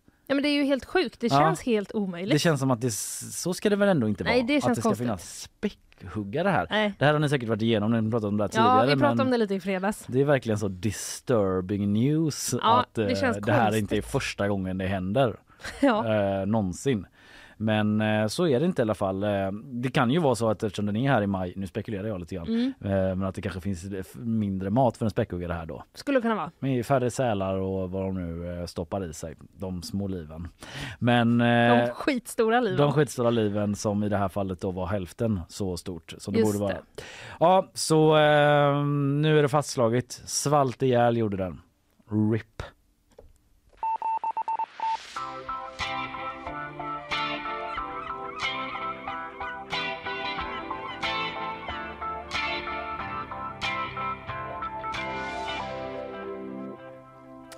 Nu ropar jag varg här. Alltså, Varg! okej. En varg Peter. har setts. Mm. Eh, I Mölndal. I Mölndal, ja jag såg Mm. eh, rubriken om detta i, mor- i morse. Jag tänkte Mm. direkt på dig såklart. Ja, Mölndal, ansiktet utåt för Mölndal. För mig i alla fall. för dig ja. Ja, Precis. mm. Så, så kan vi säga.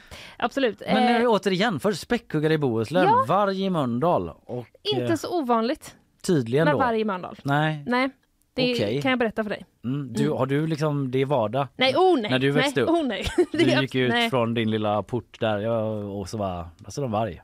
Nej, det, konstigt med är det, What else is new? Ja. det, det, Andersson hade vi. Det var det som var. Nej. Ja, det var det vargen kom förbi och sa. ja, just det. Dela ut flyers. Mm. Nej, men eh, det är inte he- det är inte, man ska inte bli chockad liksom, av att eh, en varg har eh, setts. Men det är ju ändå Chock något... avvärjd för mig. Ja, Mm. vad skönt. Mm. Mm. Och ingen panik för mig Nej. heller om New York. Det var toppen. Eh, vi på GP då, vi har pratat med Carolina som var på väg hem från mataffären när hon då mötte en varg som kom springandes på vägen. På Aminogatan i Mölndal. Det är liksom ganska nära E6, typ bakom AstraZeneca.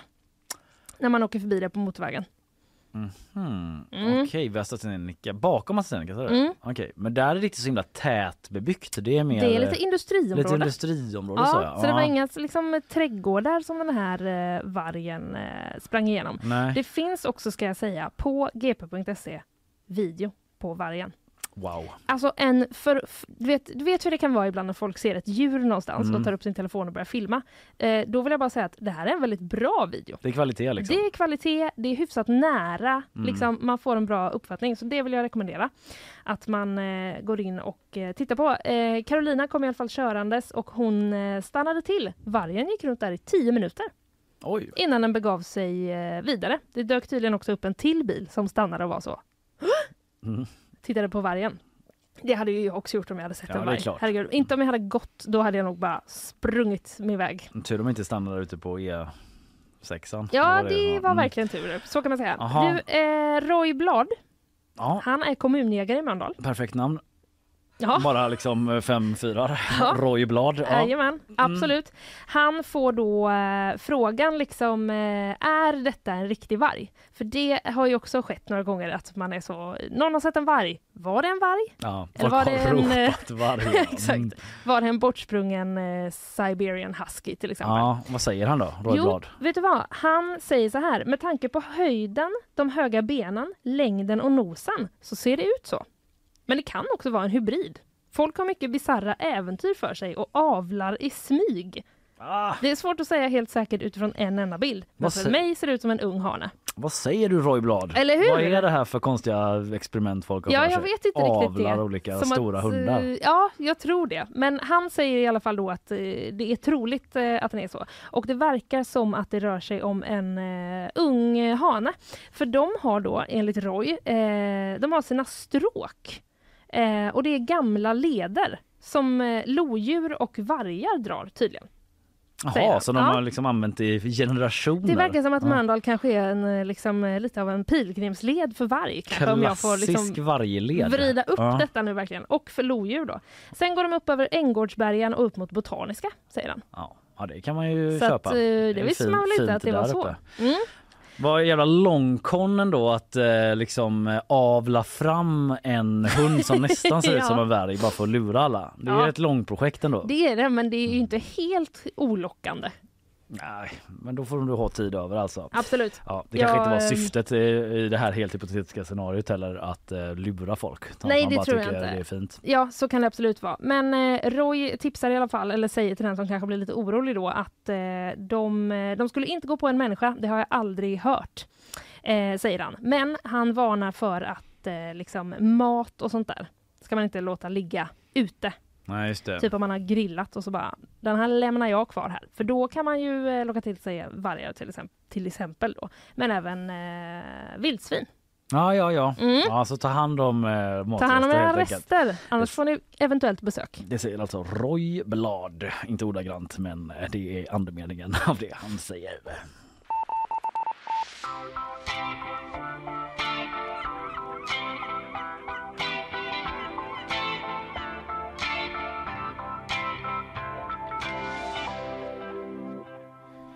Det har kommit nya rekommendationer. Ammande ska inte dricka läser jag Nähä. i eh, eh, en rubrik från Omni. Mhm. Agnes Wold är galen. Jag ska vara, ja, hon har inte uttalat sig vad jag har sett eh, i den här artikeln i alla fall. Men hon brukar ju prata om att det inte är så farligt. Typ Socialstyrelsen väntas eh, framöver ändra gräns då skriver de här eh, för vad som betraktas som riskbruk för alkohol. Det är erfart Svenska Dagbladet som är först med den här nyheten då. Och tidigare då så har nivån då för gränsvärdet då för vad som är riskbruk legat för 14 glas för män och 9 för kvinnor. Så eh, What? när det är bra för dig då kan jag ta mig Ursäkta några mig? enheter till där. Lugn Linnea, du klarar inte mer. Du blir för full. Jag kan ta två till. Så kan det låta och då, och då är man ändå helt inom regelboken. Det är också lite I beg to differ. Ja, det är inte sexism. Det är reglerna kan jag säga då. Ja. Eh, den nya gränsen väntas bli 10 standardglas i veckan för både män och kvinnor. Feminismen har gått för långt. Nu, Nu är det slut på att... inga olikheter är längre tillåtna i eh, det här liksom feminist sharia landet Nu- som vi befinner oss i. Nu är det slut på att jag måste gå hem och du får sitta kvar. Ja, Ja. där jag kan sitta kvar med grabbarna Exakt. och liksom snacka business Mm. när du liksom är helt däckad så. Du har druckit 11 enheter på en vecka. Eh, nej, men eh, skämt åsido, det är alltså en ny gräns eh, som de eh, kommer med här då från Socialstyrelsen. 10 standardglas eh, Eh, så då är det alltså för båda, så det är liksom ner fyra för mig då, upp en för Upp dig. en för mig. Mm. Det låter ju... Man undrar ju om liksom, är det för att vi har olika biologi?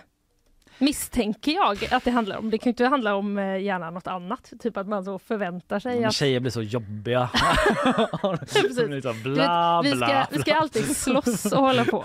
Ja, Och sånt när vi dricker alkohol. Ja, Då blir det mycket eh, slagsmål. Ja, det, det har de inte tänkt på. Ja. Nej. Att liksom den här mest aggressiva samhällsgruppen, de kan gärna ta några extra Nej, men- glas. nej. Men det kanske är det som har hänt att, nu då, att de har vägt in det. Typ Ja. att så här, det är lite mer okej för då tjejer att bli så ledsna när de dricker öl. Det kan vi ändå ta. Ja. Och så har de liksom sänkt killars lite. Ja, nej, men det är en lång artikel på Svenska Dagbladet. Det har jag inte liksom eh, faktiskt eh, hunnit läsa hela men... Eh, Men vi kan eh, länka den, ska man gå in och kolla om man är nyfiken. Precis, eh, precis. Eh, och det där jag sa om amningen då som stod i rubriken så presenteras det då att man ska skärpa rekommendationerna för ammande mödrar. De kommer att liksom gravida då rådas att helt undvika alkohol för att inte störa barnets utveckling. Mhm. Vilket är nytt. Innan eh, har det varit lite annorlunda. Ja, då har det väl ändå varit att eh, det går bara man typ inte ammar precis just då. Jag ska inte säga något för jag vet inte egentligen, men jag för mig att jag har hört något sånt. Ja, jag kommer inte ihåg, men det var därför Nej. jag började sväva lite för jag kommer Ja. inte ihåg den exakta rekommendationen som var innan Nej. men att eh, det har ju inte varit att man ska det, man måste dricka noll då. Eller måste, det här är ju en rekommendation från Socialstyrelsen då som sagt. Men eh, eh, så ligger det till i alla fall. Eh, nya eh, rekommendationer där. Alltså det är också i den här artikeln när man skannade igenom att vissa länder har liksom verkligen rekommendationer att typ inte ska dricka överhuvudtaget.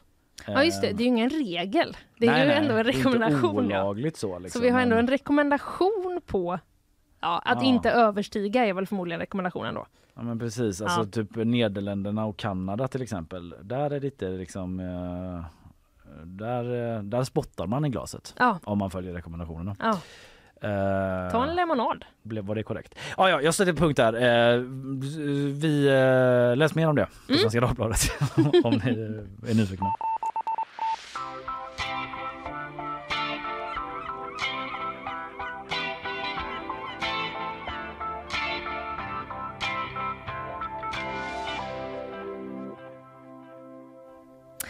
Nu rör vi oss eh, ungefär eh, en dryg kilometer skulle jag gissa från Vargen. Jaha, Mm. Ikea Kållered. vi är kvar i Mölndalstrakterna. Jajamän. Ikea Det Kållered. är inte mitt fel utan det är de nyheterna som eh, är aktuella idag. Ja, Mm. kan inte hjälpa att eh, Mölndal är liksom en s- plats där det händer saker. Ständigt aktuellt. Mm. Mm. Nej men eh, du kanske har hört talas om Ikeas nya varuhus i Kållered? Ja, lite Ja, du har inte bott här förvånansvärt så mycket lite. och sådär. Nej, det har ju varit en snackis i kanske sex år. Jag gissar. Jag förstår. Ungefär. Det var ju det här jätteavancerade robotlagret de skulle bygga. Ah. Typ som bara sa oi, oi, oi, åkte på, inte ta själv då, utan automatiskt lager. Så att man kanske typ eh, skulle vara så, jag vill ha den här eh, Fjöjderur Mm. eh, balkongstolen. Balkongstolen för Ja, det var inte så klassiskt Ikea, men ni fattar. mm. Eh, men det fick de i alla fall lägga ner, för det gick inte som de skulle. Så nu Mm. blir det mer av ett vanligt lager. Balkongstolen jordnära. Ja, Sådana saker bättre. Ja. Just det, det här har vi haft på quiz också. ja, just det. tävling det är om, därför jag eh, har det så, är så ja, det är därför det kommer Men naturligt. vadå, det gick det inget bra med det där robotlagret? För jag har ändå varit där och det var ingen robot som hjälpte Du mig vad jag har minns. inte varit där, för de har inte öppnat den. Nej, okej. Nej, utan Vart du har, har jag på, varit du har varit på gamla varuhuset. Ah, jag har varit de har byggt ett nytt precis bredvid. Wow! Mm. Det såg inte jag när jag var där. vad är det där för någonting? Skitsamma. Ja, det är bara jättestort. Ja. Ja, men så kan det vara. Men det som har hänt nu i helgen och i slutet av förra veckan, det är att eh, nu börjar det dra ihop sig för öppning. Mm. Och då har eh, de så att säga reat ut massa grejer från liksom det gamla varuhuset. Ja, då. Och då har de haft en liksom procentrea som har liksom stegrats. Eh, så första dagarna verkar det ha varit ungefär eh, 30 procent och sen har det här liksom tickat uppåt sen då Mm. till slut till 70 procent. Mm. Och det var eh, otroligt mycket folk där igår. Det var det. Då var det 70 procent. Ja. Vi har åkt, eh, filmat med drönare Wow! över kön utanför Ikea. Heja GP! Så nice! Så att, eh, där kan man se hur mycket folk eh, det är. De, det verkar som att de har fått liksom tillämpa en in, en ut. Ungefär. Jaha. Folk har fått, eh, när det hade varit öppet då i en och en halv timme, då hade redan 1500 kunder varit i butiken och 1000 pers stod i kö. Ja men det är mycket. Det är mycket. måste man ändå säga. Ja. Undrar om det var det på maten också. Det är ju redan så billigt. Just det, vilken bra fråga. Får pengar för att äta köttbullar där. Ja. Eh, Ja, jag skiter, det vet jag inte riktigt. på det. Eh, Men så eh, är det i alla fall. Måndag, idag verkar vara sista dagen här, då är det också 70 procent. Och du kanske undrar när eh, det nya varuhuset kommer öppna? Det gör jag verkligen. Mm, då kan jag avslöja för dig att två hela dagar kommer Mölndal inte ha ett enda öppet IKEA-hus. Oh, vad, har man liksom någon krisplan för det? Eh, det tror jag inte. Jag Nej. tror inte folk bryr sig så mycket. Utan jag tror de kommer klara det. Mm. Men det eh, varuhuset, eh, det gamla stänger idag, Mm. sista dagen. Och det nya öppnar då på den 25. Så Mm. vad blir det då? På torsdag kanske? Ja okej. Onsdag? Och då ska det här robotlagret vara up and running eller? Nej! Nej förlåt jag lyssnade inte ordentligt eller? Förlåt. Nej, det, hela grejen var att de fick eh, stryka det. De fick stryka det? för de okej. fick inte det att funka. Ja, Jag kanske lyssnar för dåligt. Ja, förlåt. Jag kan ha sagt det otydligt också. Ja, Men okej. det, så var Vad det. synd. Det var en tanke om ett jätteautomatiskt. Men, men, Nu blir det lite mer som det brukar vara. men okej så det är sista dagen på Ikeas rea idag. Jävlar eh, vilket skitlägenhet man kan samla ihop till där. det som ingen vill ha på Ikea. Det är bara ett enda stort fyndhörna. Ja, de nästan Ja. kastar, liksom ger bort grejerna. Ja. Du vet, det kommer någon sån kille som just flyttat hemifrån och bara du vet inte har så höga krav typ. Ah, Kan köpa de här kaktusarna då. Mardröm typ. Om Mm. jag skulle varit där när jag och min tjej flyttade ihop för många år sedan typ tagit ansvar för inredningen. Fruktansvärt. Ja. Okej, tack för det.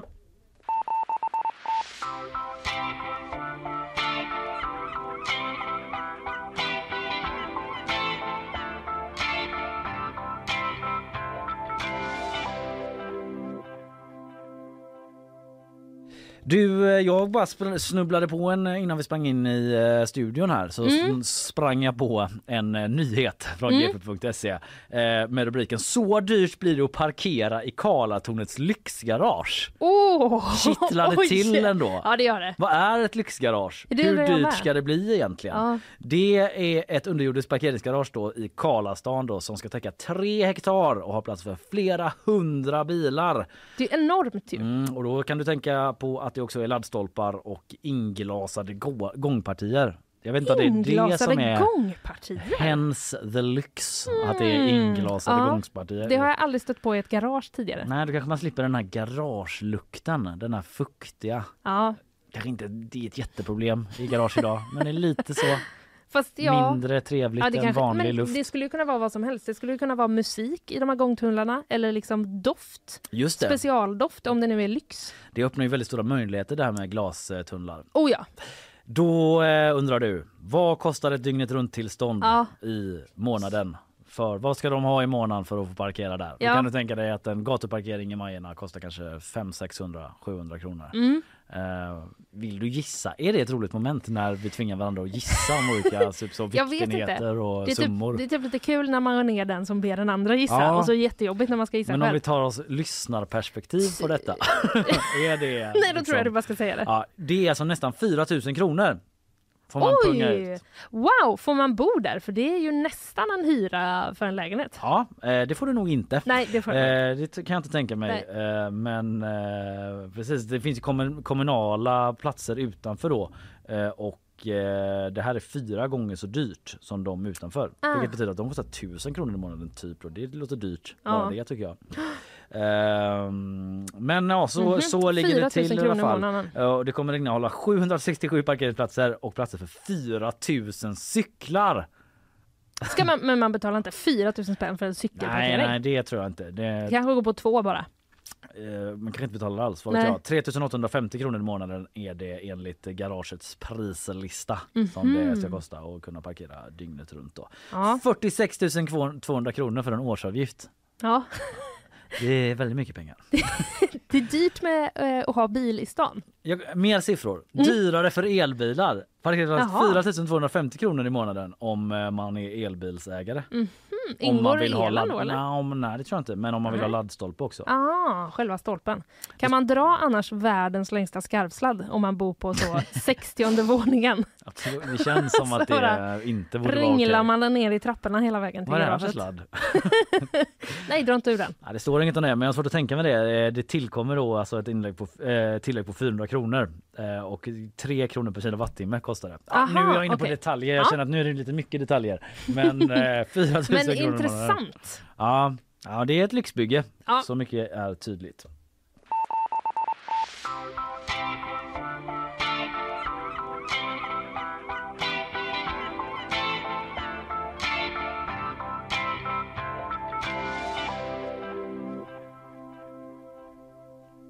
Ja, vi hinner väl med ett par grejer till. Eh, jag eh, bara tyckte det var lite roligt att det pågår ett hockey-VM just nu. Ja. Det i sig tycker jag inte är så roligt men att, eh, men där är smaken som baken om man gillar hockey sådär. Men att det har liksom eh, växt en liten kritikstorm här för de eh, sportintresserade i alla fall. Mm. Att eh, åtminstone två krönikörer eh, nämligen Marcus Leifby på Aftonbladet och Johan Kroneman i DN är kritiska mot hur mycket pengar SVT lägger på det här hockey-VMet. Eh, Marcus Leifby skriver i Aftonbladet, han är fråg, ställer sig frågande till att kanalen SVT alltså sänder 64 matcher, ofta med studioinramning och reportrar på plats. Han säger så här, jag har gjort rotfyllningar som känts som de gått snabbare än en periodpaus mellan Danmark och Österrike. Oj! Ja, men de tycker att det är slöseri med skattepengar. kritik där också kändes det som. Vadå? Att han tyckte det var lite långsamt. Ja det också. Ja, mm, ja. Att det är låg kvalitet på själva studiosnacket. Men det kanske är för att det är liksom svårt att ha så mycket att säga om två liksom blåbärsnationer i hockey typ. Österrike är väl hyfsade men Vad eh, säger man så när någon är dålig? ja det brukar man säga. Eh, eh, och eh, Stackars blåbär. Ja, Ja. vad har de? Det var lite oförtjänt, eh, kan jag känna. Ganska exklusivt Bättre att ta hjortron och skylla på tycker jag. Ja. Men, Det är en annan diskussion. Det kan ja. du skriva en krönika om du tycker det är så himla viktigt Linnea.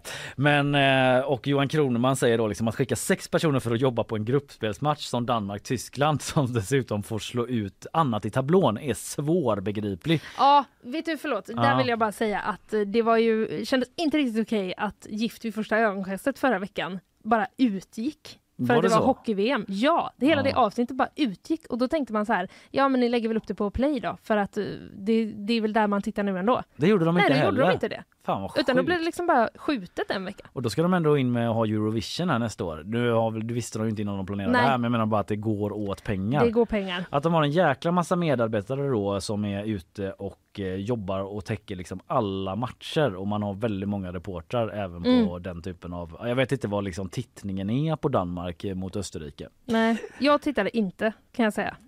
Inte jag heller. Nej. Men jag är ingen hockeyfantast. Jag vet att många där ute är det. Mm. Men eh, med det sagt så ehm, detta är alltså krönikor så SVT har liksom inte varit ute vad jag sett och liksom försvarat det här. Eh, de här besluten ännu. Det kanske blir tillfälle att de får frågor av det. Eh, men jag vill det var bara en eh, en eh, liten rapport eh, från eh, VM. Och så var det lite annat snack om att eh, William Nylander eh, bara för att ta fortsätta rapporten om hockey-VM. kommer han hit eller? Nej, han Nej. ska inte spela då. Va? Han ville, han har sagt att han ville vara med och spela Ja. men får ändå inte plats. Eh, William Nylander avstod, eller nej för sig, här står det så. William Nylander avstod VM-spel av rädsla för att hans intåg i laget skulle leda till att en annan spelare blev petad. Särskilt brodern Alexander Nylander. Jaha. Så att han vill inte tacka ja för då kan hans brorsa vara tvungen att åka hem och lämna VM. Det skriver NHL-reportern Chris Johnston. Gud på vad Twitter. krom- komplext det är att vara proffs. Ja, jag känner lite att nu skulle Andreas Jonsson varit här Mm. som var här i fredags. Vi hade en väldigt bra eh, hockey-VM för dummies Ja. i fredags. Ja men det var ju nämligen så också att eh, någon eh, landslagschef eller liknande eh, bet ifrån lite grann i SVT studio Mhm. när eh, jo, eh, vad heter han? Kücükaslan, jag har glömt förnamnet, Johan Kücükaslan eh, som är i alla Jag fall kan inte hjälpa dig tyvärr. han har studion där och sånt liksom pressade på lite om hur det var egentligen med Nylander. För att Mm. han har sagt att han vill spela men de eh, släppte inte in honom ändå då. Nej, för det är ju det där att de här NHL-stjärnorna, de som är bäst, kan ansluta lite senare. För Exakt. att NHL-slutspelet ligger samtidigt som VM. Det är ett Mm. litet upplägg de har i ja hockeyvärlden. precis. Och vi missar de bästa spelarna. Ja, typ så här. Så det blir ganska beroende av vilka som åker ut tidigt Mm. i NHL-slutspelet och så vidare. Och så har det varit sen Jesus gick i shorts liksom. Det, jag, jag vet inte, det känns som det alltid har varit så. Eh, men då blev han jättesur och sa att det var liksom en eh, väldigt arrogant fråga. Och jag förstod inte riktigt Mhm. varför det var det. För det fanns Nej. så tydlig motsättning målsättning att han vill vara med men han får inte vara med. Ja. What's the deal? Ja. Ja, och då sa Katrin Kaslan något i stil med att så här, är det liksom för att han inte är tillräckligt bra eller? Mm. Och då tyckte han att det var en arrogant fråga. Aha, okej. Lite märkligt i alla fall. Hockey-VM pågår alltjämt och eh, ja, vi kanske återkommer till det om det går jättebra för Sverige Mm. eller att eh, någon mer är kritisk.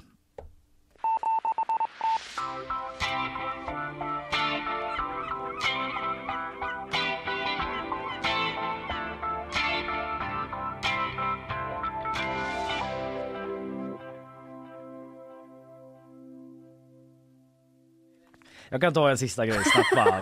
För, eh, jag tyckte bara den var så jävla konstig grej. En tysk kirurg har fått sparken. Eh, varför då? Jo, för att han skulle amputera en tå. Och eh, då fanns det inte lämplig liksom behörig personal, alltså typ en sjuksköterska Ja. ledig. Och istället då för att pausa operationen så var han så här, du där, kom hit. Och då var det en städare som fick rycka in och assistera vid den här operationen. Det här skulle aldrig ha hänt, säger eh, ehm, en chef där på 7-1 som heter Norbert Pfeiffer. Eh, som är alltså då någon sorts direktör på Mainz universitetssjukhus. Och eh, det uppdagades eh, det här eh, efter att det, det är på engelska, det är därför jag är lite Ja, så här långsam. Så här, eh, the hospital manager, alltså sjukhuschefen antar jag, eh, såg den här städaren som stod med så blodiga gasbindor och sådana bomullspaddar i händerna och eh, i en sån o- operationsteater, du vet en sån där där det kan sitta liksom Nej men usch! folk och titta eh, enligt rapporterna där. Och jag får bara, så ont i mina lilltår. oklart vad som, eh, hur den dialogen såg ut men bara vad, förlåt, eh, Ställer sig och bankar på glaset. ja, är du med och opererar här? Ja. Eh, för du är ju städare va? ja det stämmer men eh, det finns också en sorts sin, vad heter det, liksom chain of command här. Hierarki. ja, en hierarki ja men heter det. verkligen. Det var kanske bara var en väldigt liksom, eh, vad heter det? Eh, liksom eh, ambitiös städare höll jag på att säga. Precis. Det- I will do it. Det är klart att man, man kanske borde känna till sina egna begränsningar. Ja, men det står också så här i artikeln jag läst från AP Nyhetsbyrån att den här patienten då som skulle få sin eh, tå opererad eh, hade fått så lokalbedövning men blev otålig. Eh, eh, eller så här became restless. När den, när den blev otålig den här patienten då så frågade doktorn helt sonika en städare eh, och bad städaren att hålla mannens ben och liksom eh, ge honom så här skalpell eller vad det nu kan ha handlat om och ge Ja. de här instrumenten. Du är städare, du har väl rena händer och så, då kör vi. Kanske det lät. Eh, och det var inte lämpligt då så den här läkaren då har fått sparken. Ja. Skönt kan Ja. jag känna att det var ganska. Så kan det gå till i Tyskland tydligen. ja, De är inte riktigt vettiga där. ta det lugnt med tårna om du ska dit. Åk inte till Mainz Nej. om du ska operera stortån. Eller Nej. gör det. Eller- Nu, eh, nu har de ju fått det här Precis, gå skräckexemplet. bara inte till just den läkaren. Precis. Nej. Han är inte kvar där så det kanske är säkrare än någonsin att operera tån i Eller Mainz så har han öppnat specialklinik med städaren. Vi låter det vara osagt och eh, säger att eh, klockan är halv nio Mm. och därav rundar vi av. Idag har vi pratat om eh, nya tuffa Sverige, alltså i avseende att det ska bli mycket svårare att bli medborgare här. Det utreds eh, nya tuffare förslag där och det var debatt eh, i Agenda igår som jag eh, redovisade lite kring. Mm. Jag eh, pratade lite om den här mångmiljonbedrägerihärvan mot CSN. Ja, 15 till 20 miljoner. det var rafflande. Ja, ska det handlat om 26 personer åtalade, fler kommer att bli det. Och sen eh, också ju om de här tre rosorna som lämnades i domarnas omklädningsrum efter eh, matchen mellan Gais och Jönköpings Södra i helgen. Mycket, mycket märklig historia. Ja, en ledare i Gais är alltså polisanmäld och avstängd. Ja, vi får Mm. se om eh, man eh, lyckas råda någon klarhet ytterligare i den situationen. Ja, Eh, Vi hade gäst också. Det var Sylvana Sofkova Hashemi som är docent i utbildningsvetenskap. Vi snackade om det här väldigt hett omdebatterade ämnet digitaliseringen av skolan. Hur mycket datorer och paddor ska de ha där egentligen? Eh, Skolverkets digitaliseringsplan. Man hade ju en väldigt ambitiös sån. Vi ska ha Mm. mycket digitalisering. Men då sa skolministern, eh, skolministern Lotta Edholm. Nej tack, det ska vi inte alls. Nej. För de här remissvaren säger att det inte är så bra för hjärnan på barnen. Jag parafraserar Ja. lite ordagrant detta, men ni förstår vad det handlar om. Eh, så lyssna på podden om Gör ni vill det. höra något om detta som ni missat. Den kommer ut här nu under förmiddagen. Eh, vi säger tack så länge. Hej! Det gör vi. Hej då!